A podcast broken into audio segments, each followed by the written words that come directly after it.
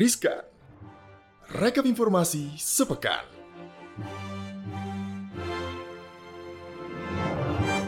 Selamat pagi, selamat siang, selamat sore, selamat malam Sobat Cuan, apa kabar? Balik lagi di Riskan Rekap informasi sepekan. Muah. Oh kayak program lain tuh, ada gua Gibran Kayak sebuah program ya. Dan saya Anak Kewijaya. Kita mau nyiapin sejumlah informasi yang paling banyak nih Yang paling menjadi headline sepanjang pekan ini tentunya Yang pertama nih terkait dengan kasus Omikron Jadi menurut Menteri Kesehatan nih ya ke Itu ada 21 kasus baru Omikron dan paling banyak itu dari Arab nih Jadi Menteri Kesehatan Budi Gunadi Sadikin mengungkapkan kalau kasus COVID-19 varian Omikron di tanah air bertambah 21 orang pada hari Rabu 29 Desember 2021 kemarin. Dengan begitu, total kasus Omikron di Indonesia mencapai 68 kasus. Semakin banyak ya Mhm. Gibran. Memang kalau menurut Menteri ini 21 orang tersebut ini semuanya berasal dari luar negeri di mana mayoritas kasus berasal dari Arab Saudi disusul Turki dan Uni Emirat Arab. Wow. Benar banget. Jadi dengan bertambahnya kasus Omikron, menurut Budi Gunadi juga meminta kepada masyarakat untuk liburan di dalam negeri aja nih pada saat Natal dan juga Tahun Baru. Apalagi kita tahu hari ini tuh 31 Desember. Ih, udah mau tahun baru ya Iya besok ya, akhirnya selesai juga tahun yang penuh dengan tantangan dan cobaan ini gitu ya. Atau enggak tuh liburannya bersilaturahmi dengan tetangga sekitar aja. tapi nggak boleh gitu. banyak-banyak juga ya. Ya Benar. kira-kira bertiga lah. Mhm, bener Sepi banget. banget ya. Jadi kalaupun memang mau liburan, menurut Pak BGS itu agar liburan Natarunya itu menikmati keindahan berbelanja di Indonesia aja gitu ya, supaya berdampak positif bagi warga negara maksudnya. Jadi ekonominya itu terbantu juga kalau misalnya belanja di dalam negeri gitu Mm-mm. tuh. Tapi kalau mau uh, belanja di tepi pantai nggak bisa juga ya dibawa ke rumah ya gimana? Iya nggak bisa juga, makanya mungkin chill-chill di Bali juga nggak apa-apa Di ya. Bali atau chill-chill aja di kantor kayak kita sekarang. Boleh banget, tapi nggak usah terlalu tegang banget apalagi yang di kantor ya. Mm-mm. Karena pekerjaan di kantor itu emang harus kita lupakan sejenak apalagi kalau liburan Natal dan Tahun Baru. Iya cukup tegangnya di IHSG aja, terutama untuk pemegang saham buka nih yang Mhm. mungkin masih tegang sampai sekarang. Oke. Gimana nggak tegang. Gibran? Ini karena di rootnya mundur dan Bukalapak itu masih rugi 1,12 triliun rupiah. Wah. Hmm. Gimana nasib para pemegang sahamnya ini ya? Nah, apalagi yang udah berlomba-lomba beli di awal tuh, Benar. udah di mana tuh nyangkutnya? Di 1300. ujung angkasa sepertinya. Jadi ini Direktur Utama Emiten E-commerce ternyata atau PT Bukalapak.com atau Buka itu Pak Rahmat Kaimudin mengundurkan diri dari jabatannya. Jadi ini merespon kabar pengunduran diri tersebut harga saham Buka itu ikut merosot ke zona merah pada lanjutan perdagangan di hari Rabu kemarin nih. Nah, ke Iya, kalau kita melihat data dari BEI pada hari Rabu 29 Desember pukul 13.49 menit, nih saham buka ambles 4,19 persen ke posisi 412 rupiah per saham. Nah, kalau kita lihat di 30 Desember juga masih turun juga Gibran begitu ya, Mhm. meskipun udah naik dari 412 ini, tapi masih di zona koreksi juga gitu ya. Dan di tanggal 29 itu merupakan harga terendah sejak saham buka debut di 6 Agustus 2021. Jadi selamat deh tuh ya yang kemarin pada rebutan Mhm. sampai nangis-nangis karena nggak dapat, ternyata diselamatkan sebenarnya. Iya, ternyata alam menyelamatkan Anda. Jadi kalau kita lihat tuh praktis nih harga saham Bukalapak tuh tergerus separuh dari harga penawaran saat IPO ya. 850 bergerak sampai ke 1300-an. Ada yang beli di pucuk, pucuk. Ya udah, sabar-sabar aja gitu ya. Karena kita ketahui bahwa pengunduran diri dari Rahmat Kaimudin ini katanya ia ingin menjadi bagian dari pemerintah. Wow, mau jadi apa ini ya? Nah, kita Mm-mm. lihat nanti nih karena pengunduran dirinya aja udah disampaikan pada 28 Desember 2021 lalu. Saya mencium ada bau kewamen-wamenan katanya Gitu. sih, begitu ya. Tapi kalau dalam keterbukaan informasi yang disampaikan oleh perusahaan, nantinya pengunduran ini akan diproses dengan memperhatikan peraturan yang berlaku. Benar banget. Jadi Bukalapak juga kemudian menunjuk Wilix Halim sebagai pelaksana tugas Direktur Utama Bukalapak. Adapun juga Teddy Utomo dan Natalia Firmansyah akan tetap menjabat sebagai Direktur Bukalapak. Bukalapak maksudnya. Kok gua agak Iya, tapi nih? kalau bicara emang IPO Bukalapak itu tinggi banget sih ya Bener. Gibran nilainya dan itu waktu itu ketika IPO tuh lumayan juga tuh bikin IHSG waktu itu juga bergairah untuk saham-saham teknologi lainnya begitu. Ini kita harapkan juga IPO yang satu ini nih membuat gairah untuk emiten-emiten media juga nih Gibran karena Apakah ternyata itu? ada eh, apa namanya? Ini kita harus sebutnya apa? Sebutin aja, Kompetitor nggak atau apa-apa. atau bukan? Bukan deh. Bukan ya. Net TV, Benar. saudara lah ya, Iya, saudara temen, temen, temen, saudara sepertelevisian Iya. kita.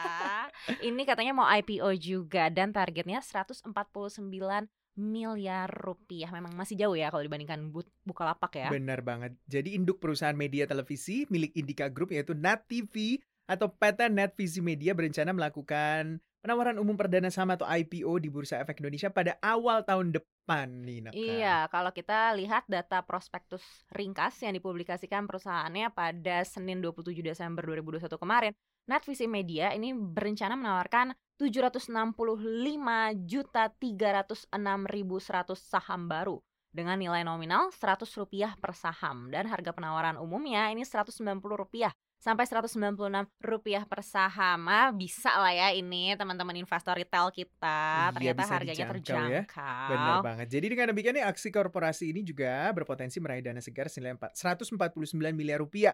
Nantinya dana yang diperoleh dari IPO saham ini akan digunakan sekitar 18,5% untuk modal kerja yang akan digunakan Netvisi Media dalam industri manajemen artis. Terus juga antara lain, antara lain untuk biaya pengembangan keahlian dan juga keterampilan, keterampilan artis dan juga biaya operasional. Nah, lalu 28,5 persennya akan digunakan bentuk setoran modal dalam PT Net Media Digital sebagai salah satu perusahaan anak yang akan digunakan untuk pembuatan dan pembelian program atau biaya-biaya operasional. Benar banget. Dan 53 persennya itu akan digunakan untuk penyetoran modal dalam PT Net Media Tama Televisi NMTV yang menaungi Net TV sebagai salah satu perusahaan anak perseroan. Jadi lumayan ya Net TV dapatnya 53 persen ya Gibran. Benar. Jadi semoga agak lebih sehat keuangannya dari Net TV ini ya. Jadi melantainya Net TV ke bursa saham itu kian meramaikan nih daftar emiten media di pasar modal tanah air seperti ada MNCN atau Media Nusantara Citra, terus ada juga SCMA atau Surya Citra Media, terus juga ada eh, Mahaka Media atau ABBA, terus juga ada Visi Media Asia atau Viva ini eh, induk usaha dari TV One gitu ya, serta Mm-mm. ada juga Tempo Inti Media atau TMPO. Iya, kalau kita melihat kita belum ada nih dalam daftar Iya, kita IPO, IPO begitu ya. Kira-kira kalau kita IPO eh, kode emitennya apa Gibran? Eh, CNBC benar. CNBC gitu. Iya kan udah benar udah empat. Oke, nah kalau kita lihat nih barangkali em, teman-teman ada juga yang pegang sahamnya ISAT. benar. Nah, ini juga ada berita yang lumayan lumayan bisa dipertimbangkan begitu ya untuk Aksi 2022. korporasi gitu ya Betul, karena akan ada merger di awal antara tahun 2020. Betul, bahkan di 4 Januari katanya ya. Mhm, 4 benar banget. Januari nih. Wah, jadi merger dua perusahaan ini antara PT Indosat Tbk atau ISAT dan PT Hutchison Tree Indonesia. Iya, jadi menurut Oke. tadi saya sempat salah omong nih 2020 2022 maksudnya.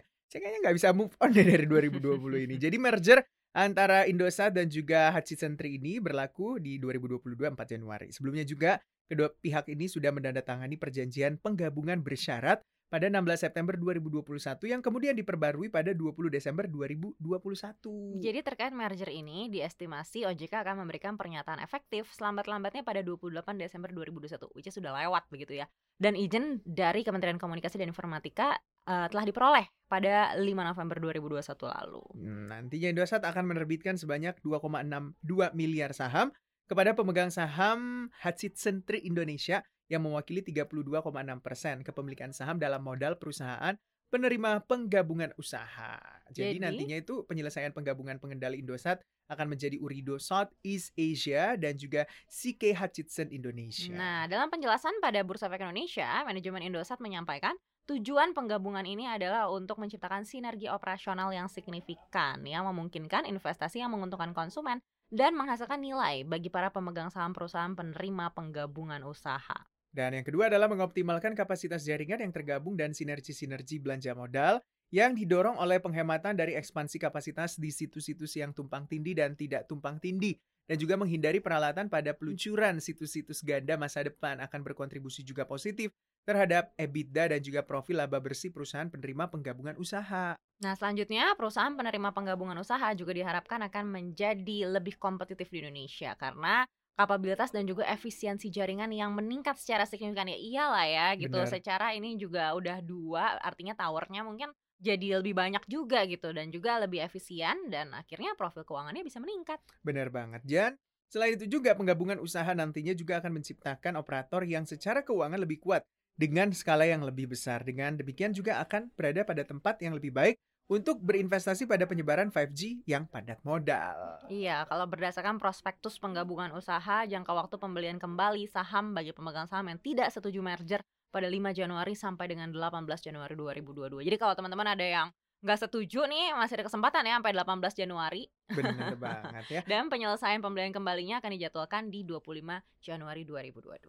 Oke, itu dia aksi korporasi dari Indosat atau Isat dan Tri Hutchison Indonesia seperti apa nanti kita akan tunggu nantinya ya setelah mereka merger. Nah, selanjutnya ini ada yang menggemparkan juga karena selama ini kan kita selalu menggunakan Google sebagai website terpopuler di dunia gitu ya. Mhm. Dan di 2021 ini Google Jeng harus jeng. minggir dulu karena Caps ya. TikTok jadi website terpopuler dunia 2021. Iya, memang TikTok ini ini ya bikin addiction-nya sangat kuat sekali ya Gibran. Benar. Seperti yang selalu kita lakukan di kantor seperti itu ya. Jadi kayak suka banget dan informasi-informasi terkini akhirnya dapetnya dari TikTok sekarang gitu ya. Banget. Bahkan kalau menurut Cloudflare, perusahaan yang melacak performa dan keamanan internet ini kedikdayaan Google sebagai situs web paling populer sudah tumbang gitu ya, dikalahkan oleh. TikTok.